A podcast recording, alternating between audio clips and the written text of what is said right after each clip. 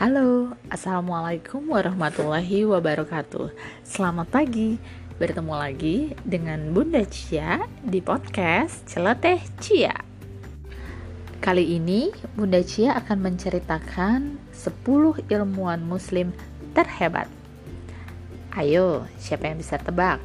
Tokoh siapa yang akan Bunda ceritakan hari ini? Benar sekali.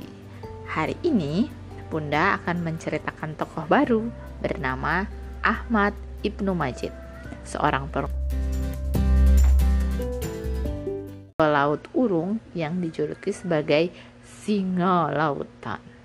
Aum.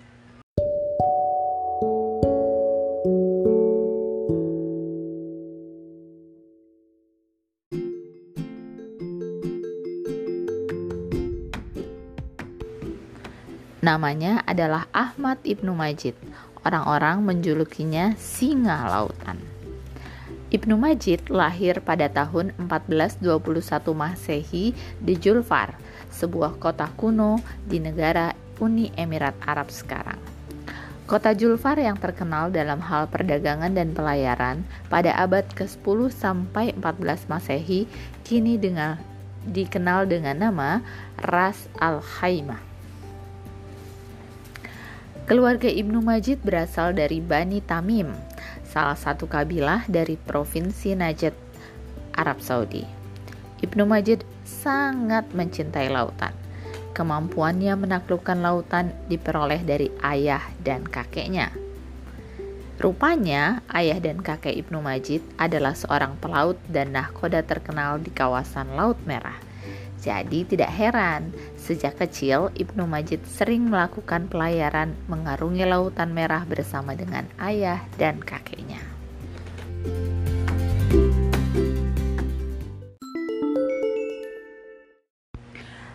Ibnu Majid hidup di sekitar tahun 1498 Masehi.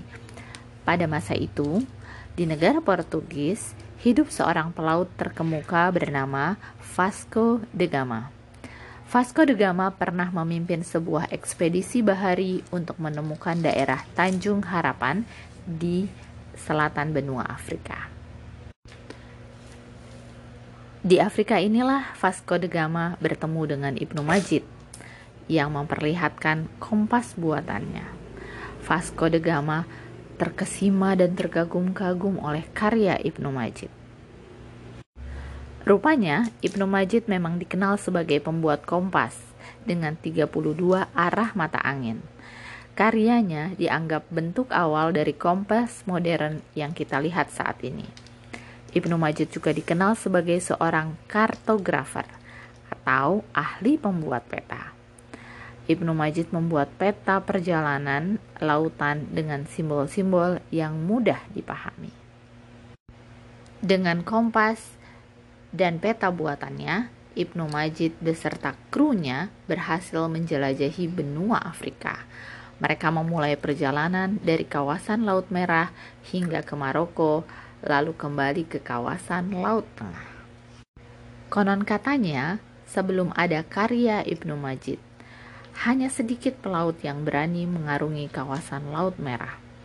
Angin dan arus di Laut Merah serta pesisir Afrika terkenal begitu dahsyat kencangnya. Sehingga para pelaut takut untuk berlayar ke sana. Namun Ibnu Majid beserta kru kapalnya berhasil mematahkan pendapat itu. Mereka mampu menaklukkan pesisir Afrika. Karena itu ia mendapat julukan Aum, singa lautan. Orang-orang Portugis menyebutnya sebagai Almarente atau Raja Laut. Tidak hanya menghasilkan penemuan berupa kompas, Ibnu Majid juga menulis beberapa buku berdasarkan pengalamannya menjelajah lautan. Karya terbesar Ibnu Majid adalah buku berjudul Al-Fawaid fi Usul Ilm Al-Bahr wa Al-Qawaid atau Pedoman Dasar Ilmu Kelautan. Buku tersebut ditulis pada tahun 1489 dan telah diterjemahkan ke dalam berbagai bahasa. Ibnu Majid juga merevisi ulang karya tulis ayahnya yaitu Al-Hijaziyah. Buku itu berisi pembahasan tentang kondisi laut sekitar kawasan Hijaz. Buku-buku yang ditulis Ibnu Majid dijadikan referensi oleh para ilmuwan dan sarjana. Salah satu pembaca buku Ibnu Majid adalah Sidi Ali Reis, seorang laksamana dan navigator dari masa Turki Utsmani. Ibnu Majid wafat pada tahun 1500 Masehi setelah semua kisah petualangan dan pengalamannya tertuang dalam tulisan. Semua karya Ibnu Majid sangat bermanfaat sepanjang zaman. Wah, siapa yang terinspirasi oleh Ibnu Majid? Semoga anak soleh terinspirasi ya menjadi peneliti dan juga penulis buku. Sampai jumpa lagi di buku selanjutnya podcast Celoteh Cia. Terima kasih.